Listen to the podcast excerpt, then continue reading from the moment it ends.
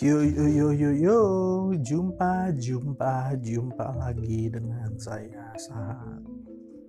Oke teman-teman, semoga teman-teman sedang menanti-nantikan ya kapan episode berikutnya dari podcast saya ini.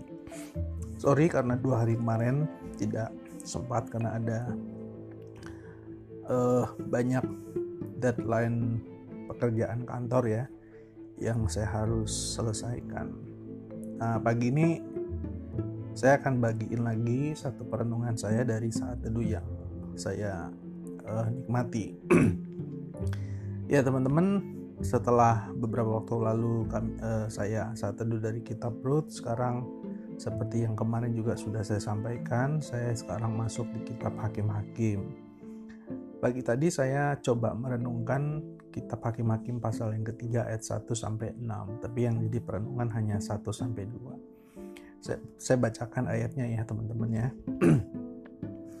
Inilah bangsa-bangsa yang dibiarkan Tuhan tinggal untuk mencobai orang Israel itu dengan perantaraan mereka, yakni semua orang Israel yang tidak mengenal perang Kanaan Maksudnya hanyalah supaya keturunan-keturunan orang Israel yang tidak mengenal perang yang sudah-sudah dilatih berperang oleh Tuhan. Saya memberikan uh, judul perenungan saya adalah skenario Tuhan. Ada banyak cara Tuhan sebenarnya yang kita bisa lihat untuk melatih umat atau anak-anaknya gitu ya. Ada banyak cara Tuhan untuk melatih umat atau anak-anaknya. Saya ingat satu uh, kalimat bijak gitu ya. Uh, manusia itu dituakan oleh usia, tetapi didewasakan oleh keadaan. Nah, dalam bagian yang tadi kita baca, kita diceritakan bahwa Tuhan membiarkan beberapa orang Kanaan itu tetap tinggal di antara orang Israel supaya mereka orang-orang Kanaan yang dibiarkan tinggal bersama-sama dengan orang Israel itu mencobai. Ya kalau terjemahan bahasa Inggris teman-teman beberapa kata, pakai kata tes gitu ya menguji. Nah menguji siapa? Menguji orang Israel supaya mereka dilatih untuk berperang. Nah pada saat itu memang relatif ini kan sebenarnya sudah masuk generasi kedua ya. Jadi pada generasi Yosua itu relatif semua suku udah dapat tempat sehingga kitab Hakim-Hakim sebenarnya itu bicara satu generasi berikutnya.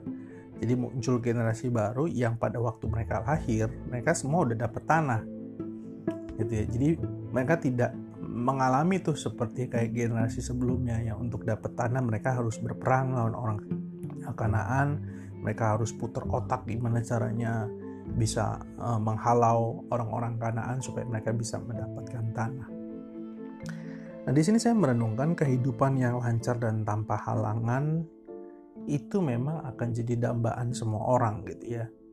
Salah satu yang mungkin kita uh, sering kali mendapatkan wish atau harapan dari orang ya semoga lancar ya. Uh, semoga dimudahkan ya seluruh prosesnya gitu ya. Mungkin kita uh, mau uh, menghadapi ujian gitu ya kita mau mempersiapkan pernikahan gitu ya.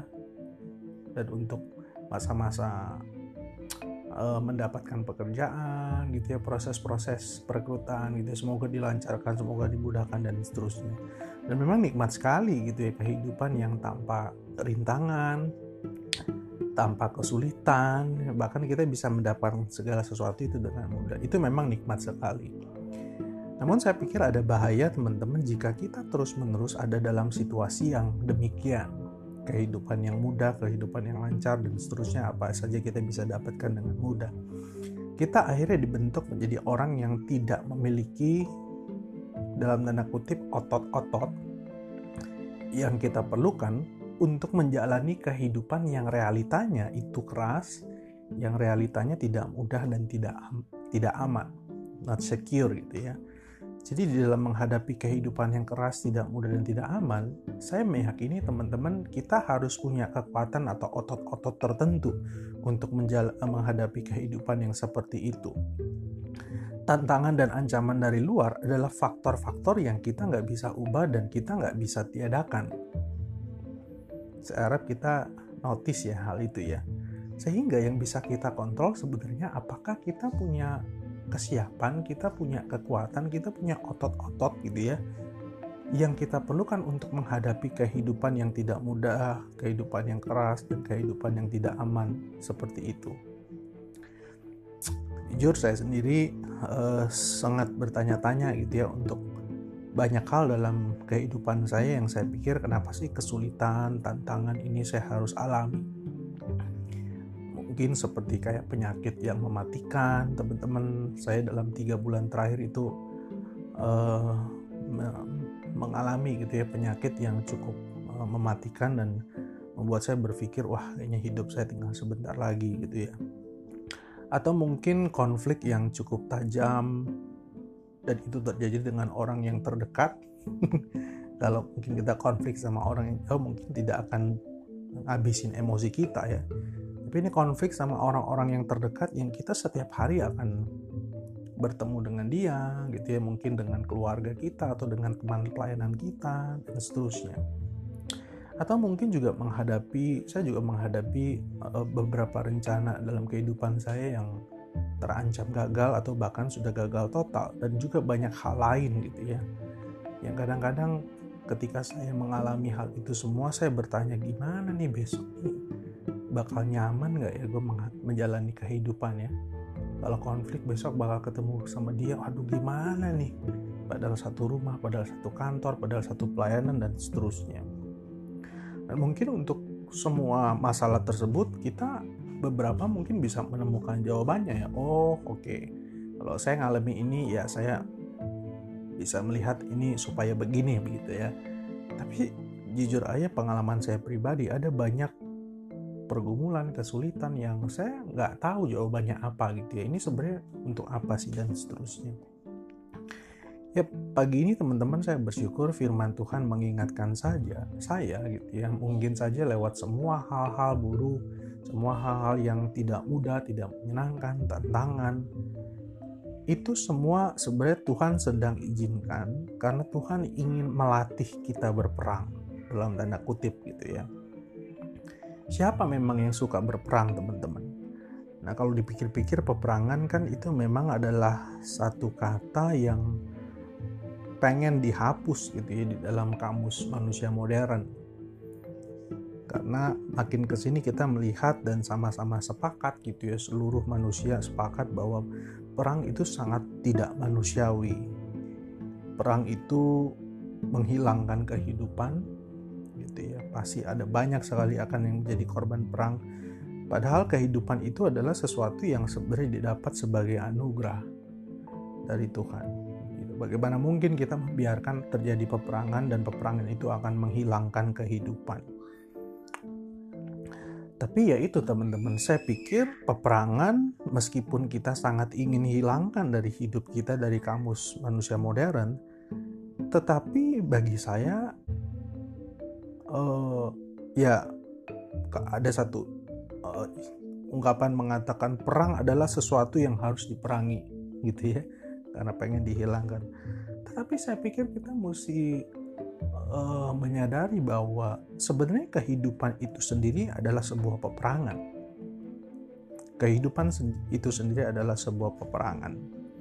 Dalam konteks orang Israel pada waktu itu dalam perikop yang tadi kita baca setidaknya panggilan mereka itu ketika mereka diberikan tanah gitu ya untuk mereka tinggali sebenarnya ada satu panggilan yang mesti mereka hidupi mereka harus menghidupi satu kehidupan yang menjadi contoh, yang menjadi model bagaimana hidup sebagai uh, umat yang bertuhan.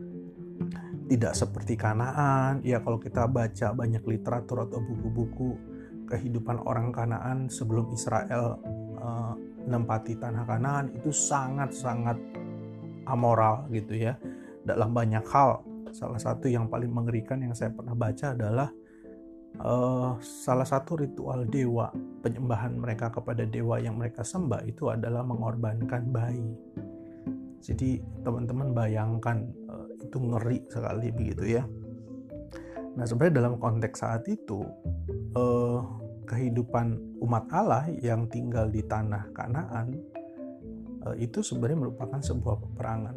Mereka ya ada beberapa yang mengatakan ini uh, peperangan budaya gitu ya karena kehadiran mereka di sana itu diharapkan Tuhan bisa menggantikan replace kehidupan atau budaya yang telah diciptakan ratusan tahun oleh bangsa Kanaan yang sangat tidak menghormati Tuhan, yang sangat tidak menghormati kehidupan yang sangat amoral dan seterusnya.